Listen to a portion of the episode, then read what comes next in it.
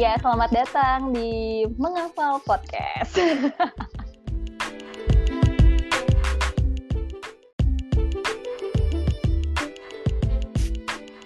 Fani di mana sih, Van? Apa nih? Fani itu sekarang lagi di mana ngapain? Terakhir itu kan kamu kerja ya di Leiden University. Iya. Terus sekarang statusnya apa? Tadi itu kayak bilang PhD, terus tapi setahu aku waktu itu masih proses kan PhD-nya. Terus kita udah lama nggak ngobrol juga, sengaja nggak ngobrol biar ada bahan nih pas lagi bikin podcast. aja nggak ngobrol apa emang sibuk melupakan Oh. baper, baper cuy, baper cuy. Ternyata Fani baper. enggak aku biasa aja Jadi kamu apa? Ngapain? Aku tahu cuman kamu tuh bolak-balik ke Zola aja. aku udah eh, kan lagi corona ya di rumah aja deh. Di Ini Denmark. SD atau apa sih? Kan? Kan. Leiden. aku research assistant sekarang masih research assistant. Tapi lagi mau uh, coba PhD kan lagi nulis proposal. Terusin juga supervisor aku lagi masih ngurusin ininya pembagiannya. Rencananya mau barengan sama University of Twente.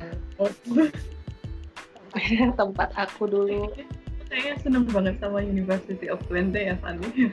ya bisa kan udah tahu orang-orangnya juga terus aku suka sama bidangnya kan dulu semacam kreatif teknologi kamu tau nggak aku jurusan apa dulu Tahu, kita dulu pernah hampir sekelas eh nggak sih ya? Nggak, nggak, aku nggak ngambil mata kuliah itu.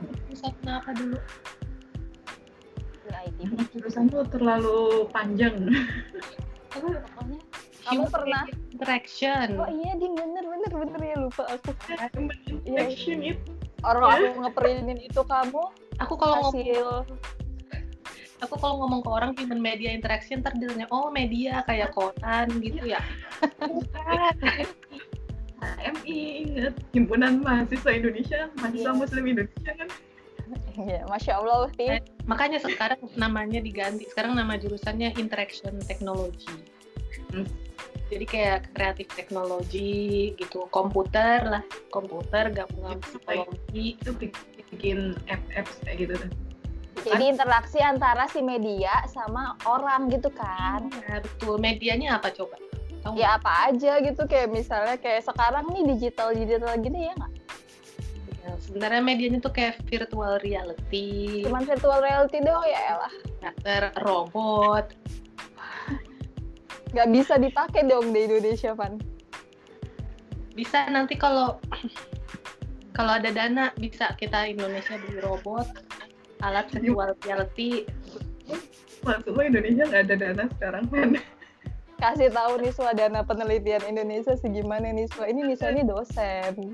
iya nih sobat dosen ya makanya kayaknya kalau udah kerja di kampus tuh kita mesti selain skill peneliti atau akademis juga ada skill cari dana deh Di mana-mana nggak cuma kerja di kampus mas skill cari dana tuh untuk hidup Fani. oh iya betul Kecuali kamu jadi Nia, Nia Ramadhani, nggak perlu cari jadi punya skill cari dana. yang penting cari apa Jadi istrinya Bakri.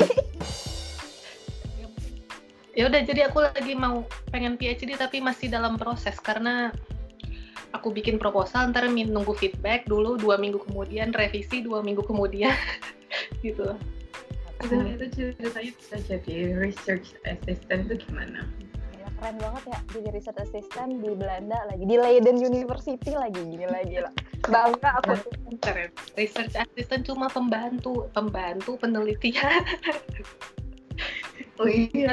Itu ceritanya itu kan eh, apa, apa di aturan di PMK peraturan Menteri Keuangan ya yang terkait dengan dana penelitian. Namanya memang ini pembantu penelitian. Iya, pembantu peneliti. Itu yang suka ngambil-ngambilin kuesioner gitu ya? Jadi lagi. sangat lagi enumerator gitu. Iya harusnya gitu ya tapi sekarang mah yang bantu-bantu gitu mahasiswa aja. Jadi kamu ngapain kerjaannya aku nyuruh mahasiswa buat bantuin aku. Aku juga bisa kayak gitu. Itu kayak, kayak jadi brokernya gitu ya Van ya? Bro jadi makelarnya gitu. Nggak, nggak, nggak. Aku kan aku di psikologi, jadi aku ya bantu setup eksperimen, terus psiko, eh, bantu ininya buat virtual reality kan aku bisa bikin coding-codingnya dikit lah gitu. pakai pakai ular ular itu. Codingnya pakai ular Ular ular sumpah Iya. Nggak, bukan. Pakai Unity.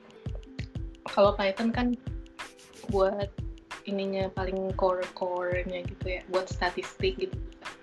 bahasanya kayaknya susah kita pahami ya Du ya nggak ngerti aku tuh apa nggak ngerti dari kita semua ini yang paling kalian bisa pahami cuman aku penelitian aku doang ngemeng doang Emang kamu kamu ada statistik juga gitu nggak? Sih? aku nggak ada. Aku beneran kualitatif murni. Itu sih susah, kamu mesti kayak filosofis gitu iya nggak sih? benar. Dan harus jago jago banget ngomong mana aku kan pendiam ya. Aku kan jago. Kamu enggak udah kritis jadi dari dulu. harus kritis gitu loh. Maksudnya kritis masalah kebijakan kan agak-agak takut ya takut takut kenapa takut terkenal gitu terus jadi jadi itu loh jadi apa diangkat Jadi apa? jadi diangkat jadi yang milenial milenial itu jadi Ya, tapi itulah tugas orang-orang yang di dunia akademis itu untuk berani mengungkapkan pendapat berdasarkan data, tidak perlu takut. Karena kita bukan politisi. asik beda memang. Tapi ujung-ujungnya gini sih Pan, kalau kita sangat vokal, ujung-ujungnya kita akan mengarah ke salah satu eh, apa di dunia politik tersebut. Itu nggak eh, kayak nggak bisa dipungkiri sih kalau kita vokal terhadap suatu eh, kebijakan. Pasti nanti ada yang mendekat-mendekat. Yang mendekat yang mungkin eh, nanti kamu diajakin ikut eh, apa ikut di organisasi yang mana dan yang mana. Dan akhirnya pun Tapi asal ya, ya kalau kita mau bilang mengubah kebijakan kalau kita nggak terjun ke politiknya itu agak susah. Asal selalu kritis aja sih setiap kebijakan kita kasih tahu apa yang positif dan negatif. jangan Iya, kritis dong. Bentar lagi mati kalau kritis tapi susahnya itu kan kalau misalnya analisis kebijakan evaluasi kebijakan terus kita mau mengkritisi kebijakan yang ada itu kan social science ya masuk yang nggak ada campur tangan teknologi nggak ada campur tangan apa jadi bener-bener data data-data sekunder dari dari dokumen-dokumen pemerintah dari peraturan dari semua itu kita baca. Tapi kan itu ambigu ya semuanya. Jadi kayak ada subjektivitasnya juga. Jadi kita bisa dibantai orang juga kalau misalnya kita nggak sesuai sama mereka. Jadi kita harus kuat gitu loh. Kuat-kuatan argumen. Iya betul. kalau bahasa bahasa itu kan masih banyak celahnya ya. Setiap orang Mm-mm. bisa interpretasikan yang berbeda dari apa yang kita tuliskan. Apalagi kalau bukan yang di ilmu-ilmu eksakta itu masih mudah untuk di apa, dicari celahnya ya. Seperti kalau ada orang-orang kasus hukum pun meskipun sudah ada perundang-undangannya kadang pun masih bisa memenangkan iya. tuntutan jadi ada peraturan Cocok lain banget. yang bisa menangin gitu ya. Niswa sumpah Cocok. kamu putus-putus tahu kelihatan banget kamu lagi di luar nggak di luar negeri kamu. Oh, bisa tempatku lancar ya kamu dengar kita lancar karena sinyal kita bagus. Kamu sinyal Indonesia. Kamu remehkan sinyal Indonesia. Enggak, enggak, enggak, tapi tapi kan kita kita ngomong kamu Niswa denger lancar itu kan berarti Niswa downloadnya lancar. Nah mungkin Niswa uploadnya nggak lancar. oh ini nih. Itu filosofinya ternyata dari dunia berinternetan Iya tapi ilmu sosial itu emang susah sih selalu kayak pasti bisa di ini lagi dikritisi gitu. Karena nggak ada yang sempurna. kesempurnaan hanya milik Allah. Standar banget ya komentarnya. Ya mungkin itu bisa kamu tuliskan di kalimat penutupmu Dwi. Buat disertasimu aku udah bikin kok uh, cover sama kalimat penutup ucapan terima kasih yang kayak gitu-gitu udah aku bikin. Isi isi Tapi ini kontennya? Kontennya belum. Eh jangan dong doain ya. Ya Allah. Ya Allah aku kayaknya akan segera waras hidup ini setelah PhD ini selesai. Aku merasa nggak waras. Jadi aku butuh tempat sampah sih. Jadi podcast ini nih kayak biar ada temen ngobrol gitu kan. Udah mas sendirian PhD tingkat akhir kesulitan terus nggak ada temen ngobrol gitu kan. Kesulitannya emang apa gue apa? Kesulitannya? Kesulitannya ya enggak sih kalau kesulitannya PhD kan PhD itu kayak harus mandiri terus kamu harus fokus terus harus konsisten sama apa yang kamu yang kamu propose di awal gitu kan. Nah terus mungkin aku orangnya berusaha untuk konsisten tapi di tengah-tengah ada aja distraksi gitu ya. Enggak terus kalau aku permasalahannya itu adalah bidang yang aku ambil saat PhD itu sebenarnya adalah bukan bidang yang aku tekuni. Maksudnya aku suka sama bidang ini tapi itu secara praktikal tapi secara teoretikal itu aku nggak nggak paham banget. Sedangkan PhD itu kan filosofikal kan jadi kita harus buat secara teoretikal gitu. Nah jadi secara analisis aku tuh selalu kepikirannya praktis praktis praktis gitu loh. Prakteknya ini gimana di lapangannya gimana? Sedangkan sedangkan itu jadi kayak laporan PKL ya aku buat tulisan Padahal kan harusnya itu kayak ngebandingin teori ini, kalau ini ada ada ada polisi ini menurut teori ini gimana nih ngelihat polisi ini gini-gini. Nah teori-teorinya itu yang aku kayak masih lemah. Jadi kesulitannya karena aku ngambil PhD bukan bidang yang benar-benar aku dalami sebelumnya, tapi bidang yang aku sukai sih. Jadi kadang-kadang itu nggak apa nggak cukup suka doang gitu. Jadi harus mengenal juga gitu. Kok ya, jadinya gimana ya? bisa lah. Iyalah harus bisa. Semoga tahun depan ya. Maksudnya kalau aku dulu nih S1 aku belajar apa sih? Udah lupa semua S1 ku iya sih bener. Ya jadi maksudnya ya. bisa lah maksudnya ada waktu buat baca-baca Iya benar. Dan harus rajin baca sih kalau mau ngambil sosial science itu kuncinya harus rajin baca. Karena kan aku nih aku tuh kayak misalnya teori yang aku tahu cuma empat dari sejuta teori yang udah diciptain sama orang. Jadi kayak aku tuh bisa aja berargumen dengan teori yang aku tahu. Tapi ketika orang mentahin pakai argumen yang lain itu kan kayak bisa ah itu teori apa? gitu. Aku agak bego gitu. Cuman nggak aku bisa semangat Iya, ini Niswa ini lagi hilang videonya. Padahal dia tuh udah hebat. Kita tuh lama banget tadi kayak mulai podcast ini dari berapa puluh tahun yang lalu gara-gara nungguin dia biar ada videonya yang bagus. Ya. Ke mana Niswa? Itu. Oh. Oh, eh baik Bu dosen. Eh, gitu deh. Jadi ini perkenalan terus ini kita jam belum masih ada waktu kok lama ya kan katanya Fania tuh ada acara ini, ada acara drinks gila ya. Online drinks eh tapi ini nih kan kalau di kampus di sini tuh ada online drinks terus kayak meet, department meeting tiap bulan itu ada itu online juga kalau di Indonesia kayak gimana sih Nis? ada nggak kayak meet up online sesama dosen terus dosen dengan mahasiswa yang reguler ya dan dan formal ya nggak formal juga sih oh on kalau dulu sebelum corona kan ya ada ya namanya kalau di tempat itu rapor bu Hah? Apa? Koordinasi bulan. Rakorbu. Dapat koordinasi Rabu. Enggak bulanan bulan. Jadi tiap tiap satu bulan sekali itu seluruh dosen dan tenaga kependidikan yang ada di kampus kita berkumpul bersama dan kalau ya selama corona ini ya tetap dilakukannya secara online. Uh, terus kalau sama mahasiswa biasanya ya ada istilahnya kayak apa ya pertemuan dengan mahasiswa dari Hima itu juga ngajakin uh, dari mereka mungkin banyak tanya-tanya tentang kebijakan-kebijakan kampus. Apalagi kemarin juga ada perubahan dari offline ke online. Kita sudah pernah bertemu secara online tapi kalau ngobrol dan biasanya sih kalau, itu, kalau selama ini tuh ya nggak tahu kalau di Belanda kayak gimana ya kalau misalnya kayak aku kelas itu selalu tem apa dari mahasiswa biasanya close video. Kalau di sana kayak gitu juga kak? Sama kok. Oh sama ya? Maksudnya apa? Close video apa? Video jadi nggak nggak ditampilkan jadi, videonya kayak gini nah, jadi cuman ya kayak, kayak aku lagi siaran radio kayak gitu aja. Eh, kamu bukan siaran radio karena kamu kan dibuka open kan? Yang kamu kan pakai video kan? Kamu kayak Ya, siaran berita. akhirnya aku matiin juga.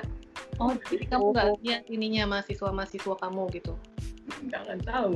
Apa yang mereka lakukan Sih, dan mereka maksudnya kamu bilang aja, yuk kita nyalain videonya gitu. Jadi enak, jadi kayak ada Kayaknya kan kayak gitu ya. Cuman yang jadi permasalahannya kalau kita open video seperti ini itu cukup memakan paket data dan cukup berat. Akhirnya sinyalnya jadinya putus-putus. Terus mereka juga nanti eh, bisa menghabiskan terlalu banyak kuota dalam satu minggu bisa sampai 10 giga untuk Iya kuliah sih. online. Ya akhirnya ya udahlah. nggak efisien gitu ya Hmm. Saya kalau memang kalau di on video itu terasa banget lebih berat. Kayak beban lebih cepet habis. Ya mungkin kalian nggak merasakan itu kali ya, karena kan kalian udah pakai eduroam. enggak dong enggak edurom bayar sendiri juga ini juga aku bayar sendiri. Tele tuwe, tele tuwe. Memang di rumah di BL udah nggak dapat BL? oh dapat edurom tuh di pojokan kamar aku doang Oh iya ya, dulu nggak dapet ya eduroam ya? Kita. Ah, ah, justru pas kamu udah pulang tuh dapet tapi cuma kamar aku doang. Kalau aku turun ke bawah nggak ada dan kamar akunya itu deket jendela itu loh. Jadi kayak yang kan kita bayar loh. Oh waktu itu nggak ini sih ya kamu nggak tahu ya kayak terima jadi ya nggak ngurus-ngurusin pembayaran. Cie. Kan aku ini Kan sekarang kosan, anak kosan, sorry ya, itu kan urusan tuh. baik. Eh enggak nih Swa tadi kan kalau misalnya ini kan nanti kan Fanti mau ada acara drinks gitu. Itu kan kayak acara yang di arrange sama kampus. Tapi bukan ngomongin tentang kebijakan bukan ngomongin kayak cuma ngobrol hai hai hai hai gitu. Lo ngapain nih hari ini? Gitu kan ya. Hmm. kayak eh nanti kita mau ke mana nih? Eh kamu ngapain aja? Gitu gitu yang nggak penting gitu ada nggak sih? Kita obrolannya selalu penting. maksudnya itu ngebantu loh kan la- lagi masa-masa corona gini tuh kan orang tuh saya kebanyakan tuh kayak permasalahannya karena nggak bisa ke mana-mana jadi secara psikologi psikologis juga ke agak-agak jadi itu kan keganggu juga gitu apa sih kega- bahasa bagusnya kan kayak keganggu kesannya itu banget Stres aja sih kali, apa anxiety gitu. iya kali. kayak anxiety gitu nah jadinya kampus aja tiap email aku tuh ya promotor aku tuh tiap email aku kayak sweet banget jadi kan hari ini tuh aku aku kan tadi ada meeting nih sama promotor. Terus jadi itu ha- harusnya aku ada meeting beberapa hari yang lalu. Terus tiba-tiba itu cancel gara-gara aku terlewatkan sebenarnya. Terus kayak aku minta maaf aja. Terus eh, promotor aku bilang ya udah kamu arrange aja lagi. Minta minta minta sekretaris buat arrange jadwal baru. Nah terus sekretaris aku tiba-tiba ngasih jadwal hari Jumat yang mana sebenarnya promotor aku nggak mau ada kegiatan tuh di hari Jumat ya.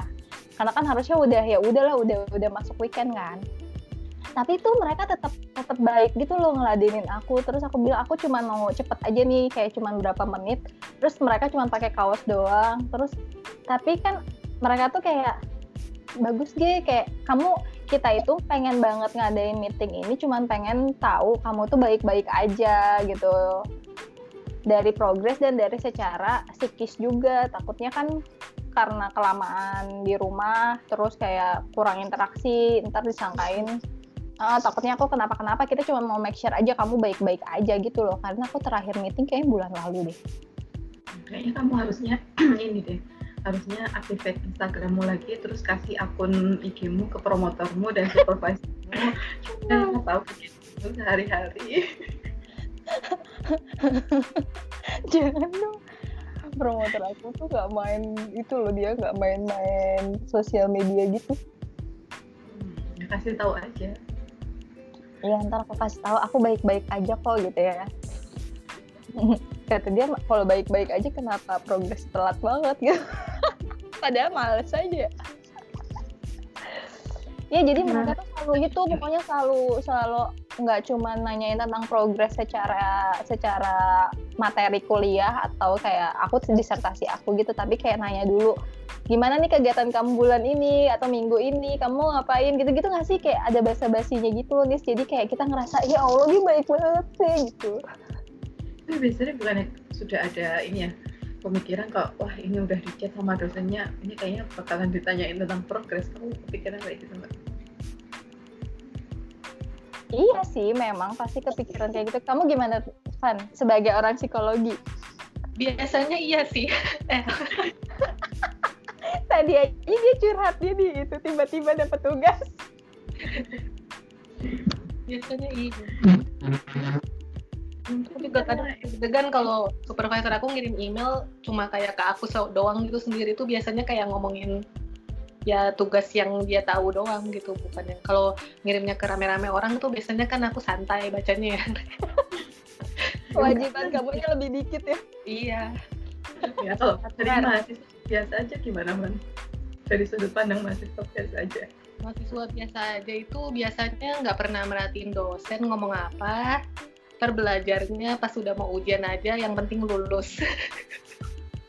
Kayaknya aku dulu juga gitu sih Aku sih yang berprestasi, aku beneran mahasiswa berprestasi tingkat universitas gitu. Iya. oh, iya beneran nggak beneran kan Emang beneran? Kalian percaya nggak sih? iya nggak apa-apa percaya ikhlas banget Niswa juga Niswa cum laude kan dulu Iya sempat kan tapi bukan termasuk mahasiswa berprestasi yang prestasinya banyak. Melaut laude tuh pinter juga lah aku dulu nggak pernah cum laude biasa aja standar Tapi kamu UI kan? Iya. oke oke kita nggak usah membahas sejarah Iya, maksudnya kan beda-beda bener tuh kayak karakteristik mahasiswa tuh beda-beda. Terus kayak bisa jadi kayak background universitas juga kan beda-beda kan. Kayak kayak tadi nih aku di Unpad, Niswa di Erlangga ya kamu. Apa sih? ITS, ITS, ITS. Niswa di ITS kayak Fani di UI gitu. Kita kumlot nih ITS sama Unpad, tapi Fani di UI enggak. Tapi kayak misalnya kamu kamu ngobrol sama orang terus kamu bilang kamu lulusan UI kayak orang tuh beda ngelihatnya gitu loh. Sama juga kayak misalnya mahasiswa. Kita nge orang itu bakal nge-treat orang lulusan mana lulusan mana beda. Sama juga kayak kamu nge-treat mahasiswa yang ketika kamu ngajar di universitas swasta ketika swasta A B C D sama universitas negeri gitu loh Nis kita nggak boleh beda-bedakan orang deh. itu aku nggak tahu deh ya maksudnya eh, mental orang-orang beda beda kampus itu aku nggak tahu bakal sama atau enggak tapi yang jelas dalam satu kelas itu aja pasti udah ada yang mahasiswa rajin sama males gitu Ya itu itu sih udah pasti. Iya sih aku tuh berprestasi tapi nggak rajin Aku dulu selalu duduk di depan. aku duduk belakang. Aku eh aku juga duduk di depan ya walaupun aku telat. Jadi si barisan pertama itu dikosongin buat geng aku dulu. Oh beda. Aku aku datang pertama dan di depan men. Jadi aku emang terlahir pintar. Eh terlahir berprestasi Aduh, katanya guru-guru pas zaman sekolah di madrasah. Kan kita tuh kalau sekolah itu harus duduk di depan biar dapat barokahnya ilmu kayak gitu. ya Allah Terus pernah datang terlambat ke kelas. Jadi duduk di paling belakang. Dan tuh gak kedengeran loh dosennya ngomong apa duduk di belakang. Saya ke distract sama teman-teman sebelah yang ngobrol sendiri rame kayak gitu. Saya nggak kedengeran. Sama kelasnya besar ya. Kan kalau di sini nih kalian waktu itu kan Niswa sama Fani kan sempat ngerasain belajar di kelas juga kan di sini. Nah itu juga kelasnya mah ngerasa besar waktu di universitas di Indo kan. Lebih besar kelas di Belanda daripada dulu pas masih di Indus kayak aku di ITS kelasnya nggak pernah lebih Iya, dari di kalau di Twente kemarin kalau kayak kelas apa oh, kelas apa ya? Yang ada yang gede Kayak- banget. Yang- auditorium itu loh kelas di Iya, auditorium biasanya yang gede itu yang campur sama mahasiswa jurusan lain. Iya pilihan kan itu? Eh justru itu bukan yang pilihan ya? Yang wajib Tergantung ada Iya. jurusan itu yang mesti jurusannya Iya. pakai jurusan itu buat pilihan. Iya iya iya. Iya gitulah pokoknya. Pokoknya terus kita masih aku melihat jam nih takutnya Fania pengen udah kangen sama promotornya. Nah, online meetings doang nggak bukan ya meeting. Ini nggak ikut Kan, ya kamu serem banget sih pakai lampu gitu nih sumpah. Maksudnya cahaya ya? Kan tadi ketemu hijau mukanya. Jadi kayak hantu di bawah pohon. Kamu beli inilah nih beli lighting gitu taruh di depan tergantung nanti hasil podcastmu ini bisa monetize apa enggak ya. Harapan. Kalau bisa? Aku beli lighting beli kamera yang bagus kan tadi katanya. Kameranya jelek terus pasang wifi yang kenceng juga. Saya tadi nyampe nyampe. juga. Mikrofon. Ya oh iya aku pengen beli mikrofon dari dulu nggak jadi jadi cuy Iya. akhir ini kayak karena meetingnya online terus aku berasa pengen beli kamera ya kan? Jadi aku bisa taruh mana-mana sama sama mikrofon. Ini pengen beli mikrofon ya sama pengen beli blender. Apa coba blender? Oh mixer maksudnya? Blender ibu guru. Blender sama mixer kan beda. Blender buat apa? Kirain mixer buat mixing, mixing suaramu ini bukan blender buat smoothies. Iya kan jus maksudmu bikin jus. Saya tadi kan kita bahasnya punya tiba-tiba blender ya. Kan mixer yang buat Ya, mixing. Ini juga tempat sampah. Nggak nyambung juga nggak apa-apa kali. Capek juga yang ngomong terus aku udah lama nggak ngomong. Terus eh justru ini saatnya kamu ngomong. Kan waktu itu Fanny pernah bilang kamu lama nggak ngomong terus. Aku kerjaanku tiap hari ngomong terus loh Fanny kamu tau nggak gara-gara work from home ini apa kayak kuliah dari rumah itu si Niswa aktif banget di YouTube ya. Jadi youtuber sih. Tapi nggak ada yang nge-view. Jadi mahasiswa dia nggak nge-view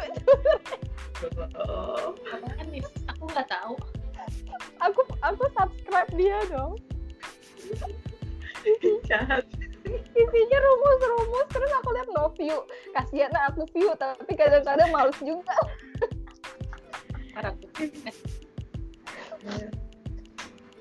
Mungkin videonya bukan video pelajaran. Terus videonya ganti video apa gitu yang lebih menarik kayaknya. Eh nanti kita podcast ini diupload di mana sih? Di Spotify ya buat audionya. Tapi kalau buat videonya di mana?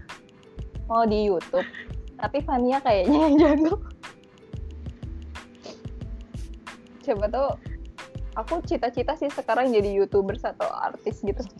Ya itu kan ini kan kerjaan Evania banget.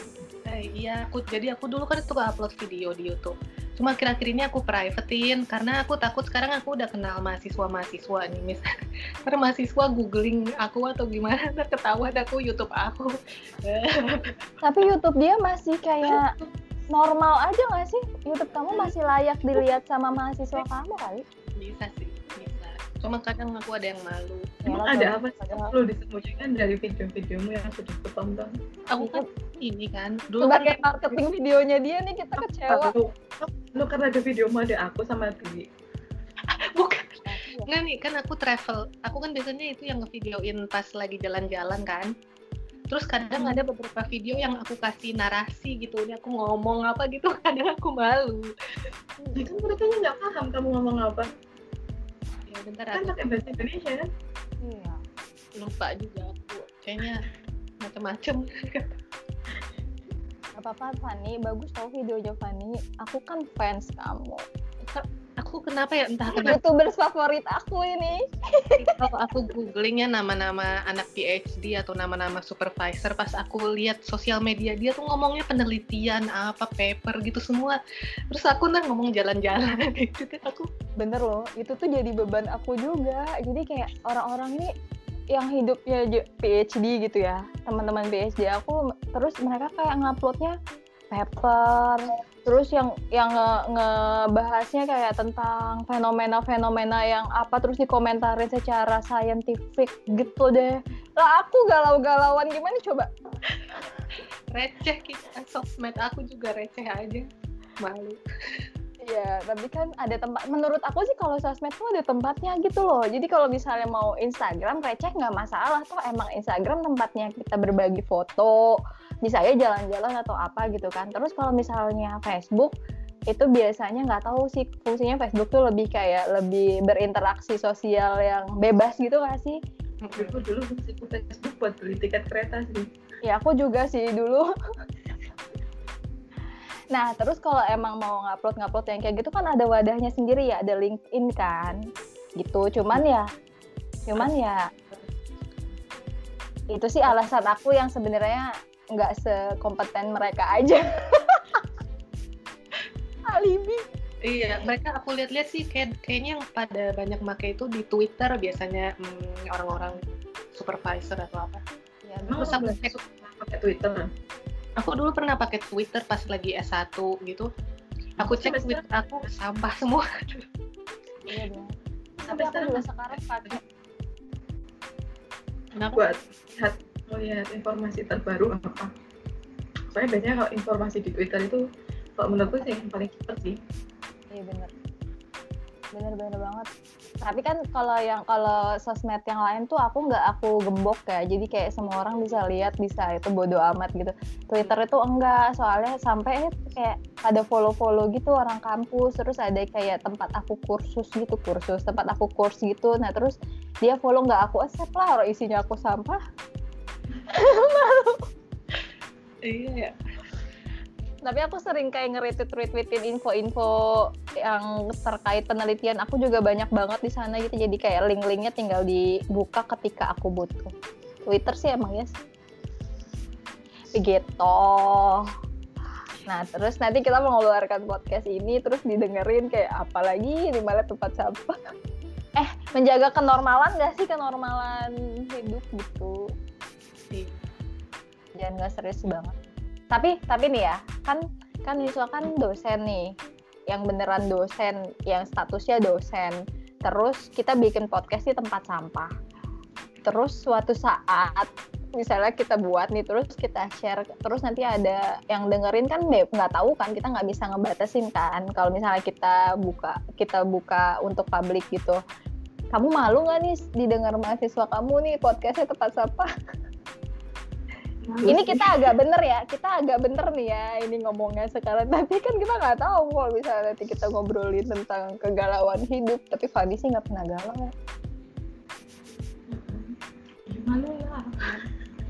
Oh, malu dia Oh ya.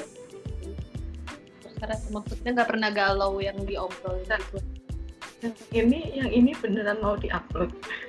beneran lah Kalau nggak mau tempat sampah namanya juga bisa sih kita ganti.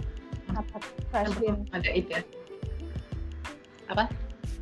Kamu ada ide apa namanya? tolong komen di bawah kasih ide ya bakal ada yang denger aja Tahu nggak kita tuh nih yang mirip sama kita misalnya tiga ada tiga orang cewek semua itu kalau nggak Destiny's Child itu Charlie's Angels. Kelihatan banget umur kamu kak. Kan terkenal sampai sekarang. Enggak, udah nggak terkenal. Charlie's Angels Destiny's Child. Biasanya aja nggak tahu pan. ya apa dong? Jadi yang zaman sekarang ini ya Kita- gini-gini. Twice, Twice, Blackpink. Nah itu orang pada tahu. ada uh, grup K-pop baru yang salah satu membernya orang Indonesia tahu nggak? Oh, baru bisa kita bahas di lain waktu yang itu. aduh aku pendengar setia dah kalau ngomongin kepo apa dong? Ya udahlah pokoknya intinya apa aja lah namanya. Yang pasti kita di sini hanya ingin berbagi tentang apa yang kita rasakan ya udahlah ya pokoknya bebas dah Mas, mungkin seiring dengan waktu kita bisa tahu namanya apa jadi podcast ini namanya akan berubah-ubah nih ya Dan kontennya juga berubah-ubah. Mungkin suatu hari kita bahas tentang game. Apa? Tentang game. Membahas tentang Oke. ML dia. Kalau apa aja maksudnya? Mobile Legends. Oh. Fani juga jago nih nge-game. Dia waktu itu mau main mainan dia mau main game yang di komputer aja ya. Yang masak-masakan itu. Bikin strategi dulu. Aku nggak paham lagi sumpah. Aku mah kebakar mulu ya. Bodo amat ya. Iya itu kan tuh bohong. Ya itu bukan komputer itu namanya apa sih? uh, yang masak-masak itu. Loh ya di di Nintendo. Oh ya di Switch ya? Switch. Apa nih? namanya? Tahu nggak kamu nis? Apa? Itu Aku loh permainan yang masak-masakan. Dinner dash kayak gitu-gitu. Di aku Yang- juga itu. Cooking apa gitu ya? Coba tuh cek. iya kan dulu tuh main tuh sama sama Giri sama dia sama aku terus siapa lagi ya Udah gitu doang. oh itu doang aku tuh selalu kebakar dimarah-marahin mulu sama mereka Kamu mah mainnya nggak benar. Ini namanya overcook, overcook. oh, overcook bener duit kan berarti masaknya harus over Iya.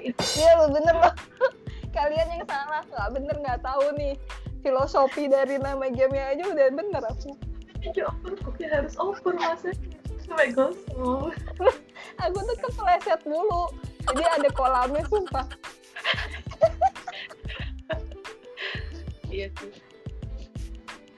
sampai dia itu waktu itu Fanny tuh lagi lagi ada deadline apa aja dia udah nggak ngaruh.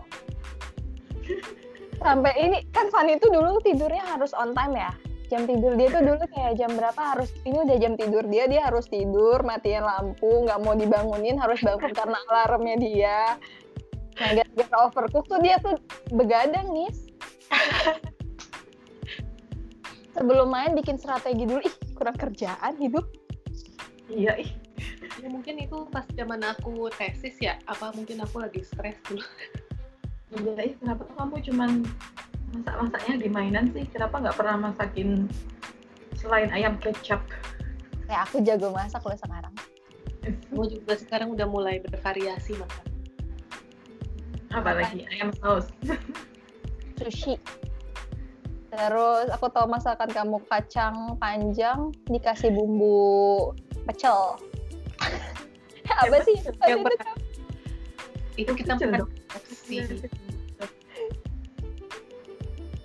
Mari kita ke membahas masa depan, tidak perlu membahas Eh, ini udah satu jam loh. Belum. Ini jam berapa di Indonesia? 9.37 oh masih lah ya. Masih Masih bisa. udah sepi nih jam sekarang. Jam 9 emang udah sepi di sana. ya udah tidur semua. Makanya kamu ngomong pelan-pelan ya. tapi aku dulu di sini malam-malam ngobrol gede-gede Ya kamu kan tinggal kita dulu tinggal di tengah hutan. Iya bener, aku merasakan banget ini tengah hutan. Jadi ternyata ya di DBL ini kan bener kalau kalau summer kan banyak banget binatang ya. Semua binatang itu ada gitu kan, Sarah. Ternyata kalau tinggal di kota nggak ada itu ya. Yang kayak nyamuk-nyamuk gede gitu ya. Iya. Ya, Kalau di kota yang tempat kamu tinggal tuh apa? ITC hotel itu kagak ada. Maksudnya nggak sebanyak ini apa nggak ada? Aku nggak tahu. Kayak ini anak-anak yang pindah kan dari kota. Kayak kaget gitu melihat banyaknya binatang kan. Aku pikir normal aja ya orang summer. Iya, kalau di city center mah nggak ada. Kan di situ kamu dekat hutan. Ya bukan deket emang di hutan. ya, tapi aku udah cinta sama rumah ini. Sumpah ini aku ada bondingnya. beli dong nanti dibeli dong rumahnya Iya, ntar aku beli ini ntar lagi. Ya, aku, aku jadi ini nih, jadi sok-sok ke Koreaan tuh. Makanan sih, maksud aku makan pakai kayak tempat kobokan itu loh. yang stainless itu tau gak? bukan Yang stainless itu loh, tau gak sih katanya itu tuh ala-ala Korea. Terus aku kemarin aku cobain aja. Aneh banget tau? Itu kan buat bikin adonan. Iya benar, ya untuk bikin adonan. Tapi katanya itu bedanya apa cuy bedanya bedanya kalau makan di tempat kayak gitu apa yang terjadi nggak ada sih sama aja. Kamu jadinya mau datang ke drink itu nggak? Apa nih? Ke mana? Mau ikutan drinks yang di grup kamu nggak? Oh, Nggak usah lah. Ngapain itu mabok-mabokan? mabok, mabok virtual ya. nggak aku juga nggak tahu nanti gimana ya maksudnya online drink itu gimana cara ngobrolnya lewat web kan kan mesti satu-satu kan yang ngomong nggak bisa semua ngomong kan iya nanti gantian apa gimana terus pada aku paling diem aja gini ngeliatin pakai bahasa Belanda. Ya enggak. Nggak bahasa Inggris. Banyak orang eh, orang Belandanya juga cuma dikit. Aku punya topik lagi nih. Kan tadi kan uh, Nisa nanya tuh drinknya dikirimin nggak gitu ya? Jadi jadi di sini tuh ada ya kan ada ada ada Zul nih. Kita nyebutin nama orang saya ya ada Zul yang ya, di kamar sebelah gitu. Dia kan dia itu dikirimin dari dari kantornya ini minuman. Jadi selama minuman minuman. mem memabukkan gitu jadi ya selama work from home itu kantor-kantor itu pada ngirimin ada yang ngirimin wine ada yang ngirimin buah-buahan ada yang ngirimin coklat ada yang ngirimin bunga. Kantor aku ngirimin bibit bunga. Bibit. Kantor aku nggak ngirim apa-apa. Oh iya kantor kamu nggak ngirimin apa-apa? Berarti bagusan tuan dong. Depan di Leiden University